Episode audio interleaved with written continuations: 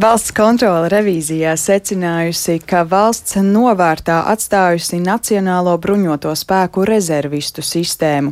Lai arī rezervistiem būtu liela loma potenciālā valsts apdraudējuma gadījumā, tomēr kopš Latvija 2007. gadā atteikusies no obligātā militārā dienesta, rezervistu sagatavošanai un apmācībai nav pievērsta pietiekoša uzmanība. Vairāk par secinājumiem un darāmajiem darbiem, lai to labotu, šajā mirklī jautāsim un runāsim ar valsts kontrolas padomas locekli Kristīnu Jauzemi, kura mums pievienojusies studijā. Labrīt! Labrīt! Kādi tad ir galvenie secinājumi saistībā ar rezervu sistēmu darbu? Sāksim ar to, kas vispār ir darīts, kas nav darīts. Uh -huh. uh, jā, esam noslēguši revīziju par Nacionālo bruņoto spēku rezerves sistēmas efektivitāti, un jāsaka tā, ka šī ir uh, Trešā un noslēdzošā revīzija revīzija ciklā par Nacionālo bruņoto spēku cilvēku resursiem. Iepriekš mēs skatījāmies zemesardzes jautājumus, tad mēs skatījāmies profesionālo dienestu, un tad kā noslēdzošo mēs esam vērtējuši tieši rezerves sistēmu. Un, ja mēs skatāmies rezerves sistēmu nozīmi Nacionālo bruņoto spēku uzdevumu izpildē, tad tā ir ārkārtīgi liela loma, jo nav neviena valsts pasaulē, kas varētu izveidot tik lielu profesionālo dienestu, ka valsts apdraudējuma situācijā varētu iztikt bez rezerves spēkiem.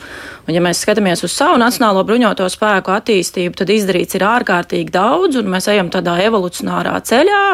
2007. gadā mēs atteicāmies no obligātā dienesta, mēs ieviesām profesionālo dienestu, un visi spēki, visi resursi bija jāiegulda jāiegulda tajā, lai izveidotu tādu profesionālo dienestu, kas sekmīgi varētu integrēties NATO kolektīvās aizsardzības sistēmā, un tas mums ir lieliski izdevies.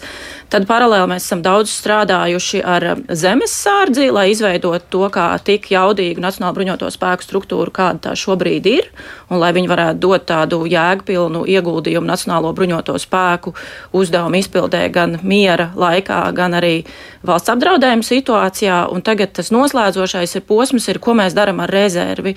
Un loģiski, ka strādājot ar profesionālā dienesta, jaudīgu izveidi ar zemesārdzi, tie resursi nav tikuši pietiekami daudz ieguldīti, un viņi, arī nevarēja tikt ieguldīti, jo ir jābūt bāzei, no kā veidot rezervi.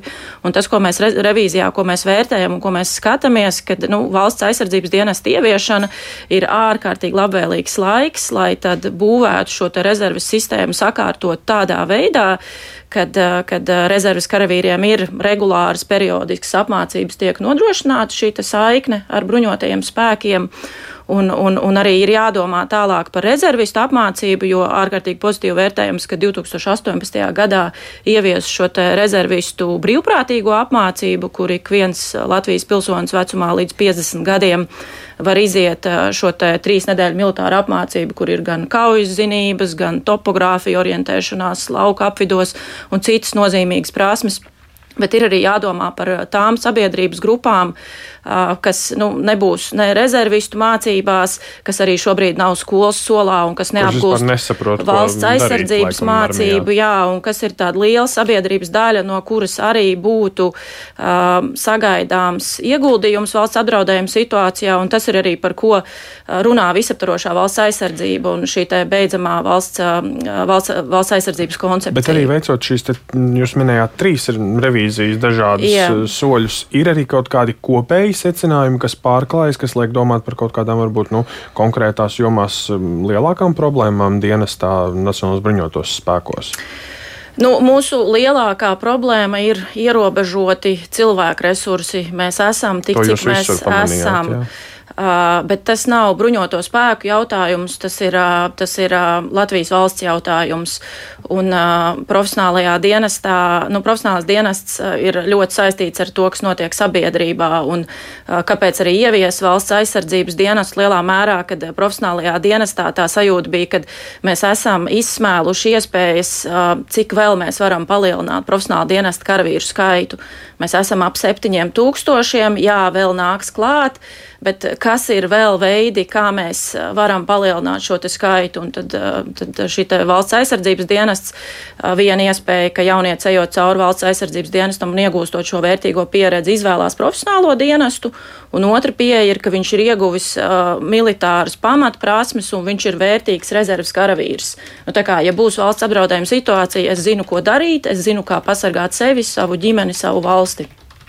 Un, jā, nu, varbūt es tā saprotu no tā, ko jūs šobrīd runājat, nu, tādu pārmetumu par neizdarību nav tik daudz, kā jūs vienkārši esat konstatējuši punktus, bet arī saprotat tos iemeslus, kāpēc. Mēs saprotam to kontekstu, un tāpēc mēs arī revīzijā ļoti daudz skatījāmies ārvalstu pieredzi, Lielbritānija, Kanāda, citas valstis.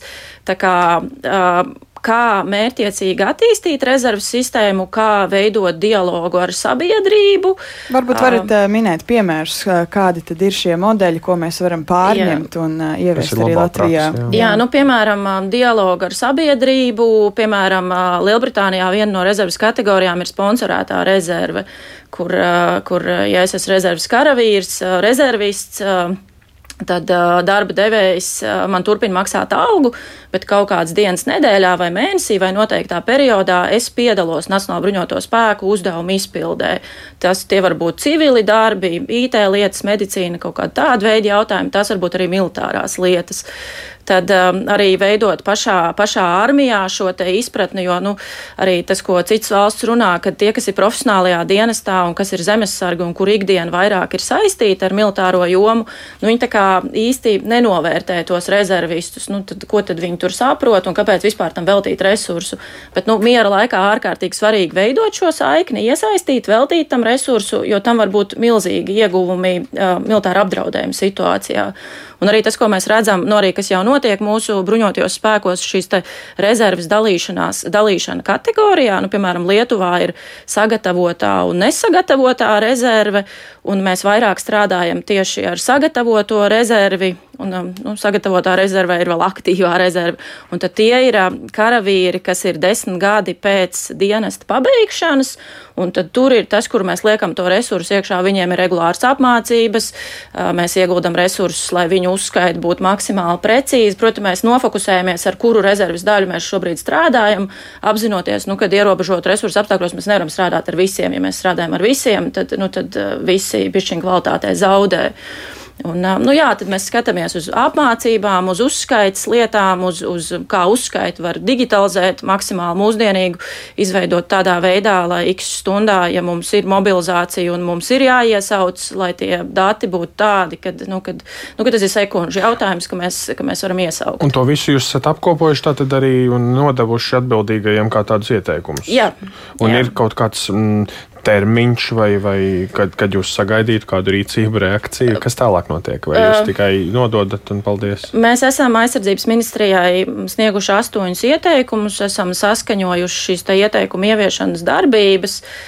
Tur ir tie trīs virzieni - izstrādāt stratēģiju, rezerves attīstībai, apmācību jautājumu, uzskaits jautājumu Un es zinu, ka aizsardzības ministrija un Nacionāla bruņotie spēki jau strādā pie šīs rezerves attīstības koncepcijas. Tā kā, nu, tā kā tas darbs daļēji arī notiek revīzijai paralēli, nu, kad mēs neturam neko tur sveci zem pūra, mēs redzam kaut kādas lietas, mēs uzreiz runājam, un, un, un, un kolēģi arī zina tās problēmas, un tas ir tas konteksts, ko es saku, nu, ka mēs nevaram vienlaikus attīstīt bruņotos spēkos visus segmentus. Bet tas nav tas gadījums, kur ir kāds konkrēts termiņš, līdz kuram būtu jāizpild kaut kāda konkrēta. Katram ieteikumam ir termiņš, un, un, un, un šajā gadījumā tie termiņi ir salīdzinoši īsi. Tur um, koncepcijas no izstrādē bija kom... apmēram divi gadi tur bija.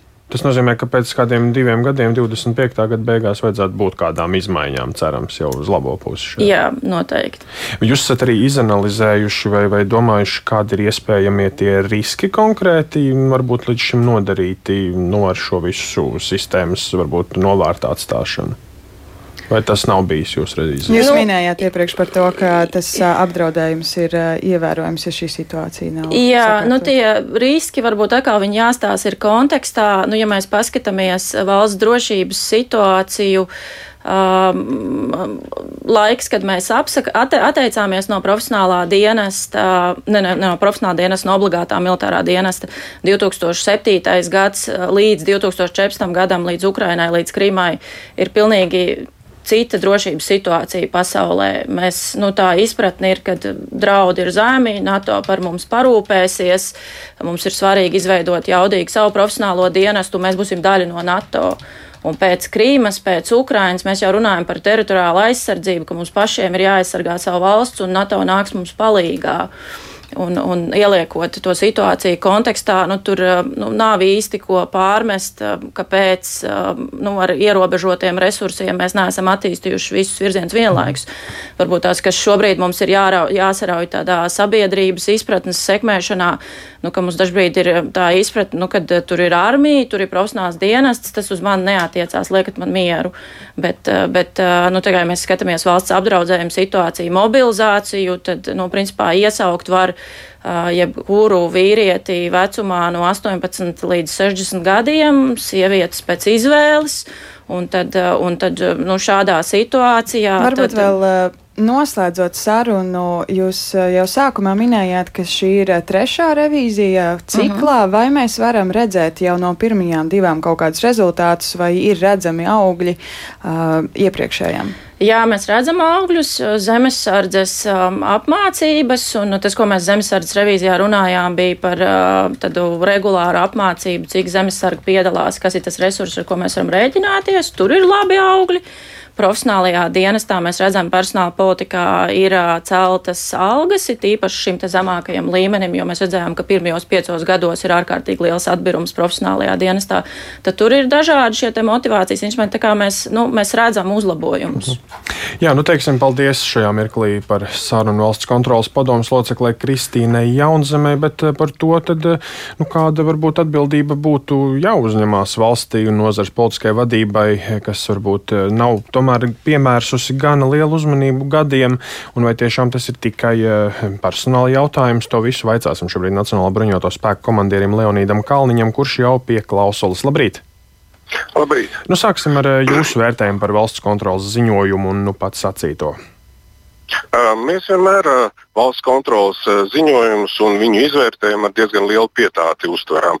Un, un vienmēr esam to uztvēruši kā diezgan ļoti labi instrumenti, kas mums palīdz gan ieviest šos pasākumus un daudz vieglāk runāt ar sabiedrību un arī ar valsts vadību šai ziņā, lai mēs varētu dabūt pēc iespējas lielāku atbalstu, lai nu, attīstītu bruņoto spēku spējas.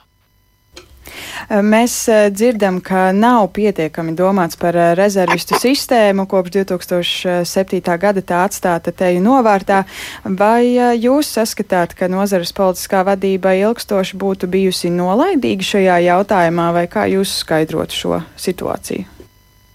Nu, Jaunzemes kundze jau arī pieskārās, kādā veidā mainījās vispār domāšana, uztvere, kā, kā ir jānotiek uh, Latvijas valsts aizsardzībai kā tādai. Ja mēs skatāmies, kad uh, pēc 2007. gada uh, tika likvidēts obligātais dienas, tad lielā mērā līdz 2014. gadam uz zemesardze skatījās, ka tā ir Nacionālo bruņoto spēku rezerve. Un, un, un, tā tad lielā mērā arī zemesardze tika attīstīta un pārējā sadaļa, kas ir ir uh, rezervisti, jā, tie cilvēki, kuriem vispār nav nekādas militārās pieredzes, uh, tie tika atlikti galīgā nomaļā. Pēc 2014. gada uh, situācija nu, krasi mainījās mūsu domāšanā un uztverē, un uh, zemesardze tika iekļauta kā oriģināla struktūra Nacionālo bruņoto spēku sastāvā līdzvērtīgi regulāru spēku veidiem, un uz viņiem tika uzlikts uh, daudz lielāks uzdevumu pienākumu apjoms, kas principā izslēdz viņu uzskatīšanu kā rezerves eh, karavīru sastāvu.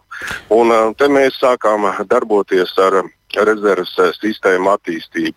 Līdz apmēram 2018. gadam mēs sapratām, ka esošā rezerves sistēma, kas balstījās lielā mērā uz tādu liberālismu, nu, tādu liberālu attieksmi no tiem, kas ir atvaļinājušies no dienesta, uh, regulāros spēku veidos un zemesardzē, mums principā bija jāievieš daudz striktāki noteikumi un tādas veida izmaiņas arī tika ieviestas. Bet ir arī, kādas, ir arī kādas tādas reālas lietas, ko tagad atskatoties, nu, jūs redzat, varbūt šāda nu, nepilnīga rezervistu sistēma ir kaut kāds risks valsts drošībai arī šobrīd nodarīts, vai, nu, vēl, vai nav tik slikti? Tāda riska nav, nav tāda riski, un, un es absolūti tā neuztveru to visu. Ja mēs uh, skatāmies uz uh, salīdzinājumā ar mūsu kaimiņiem, Lietuvu, Igauniju un pieminēto Lielbritāniju, tad tie īstenībā daudz kas uh, Latvijas bruņotos spēkos jau ir ieviests.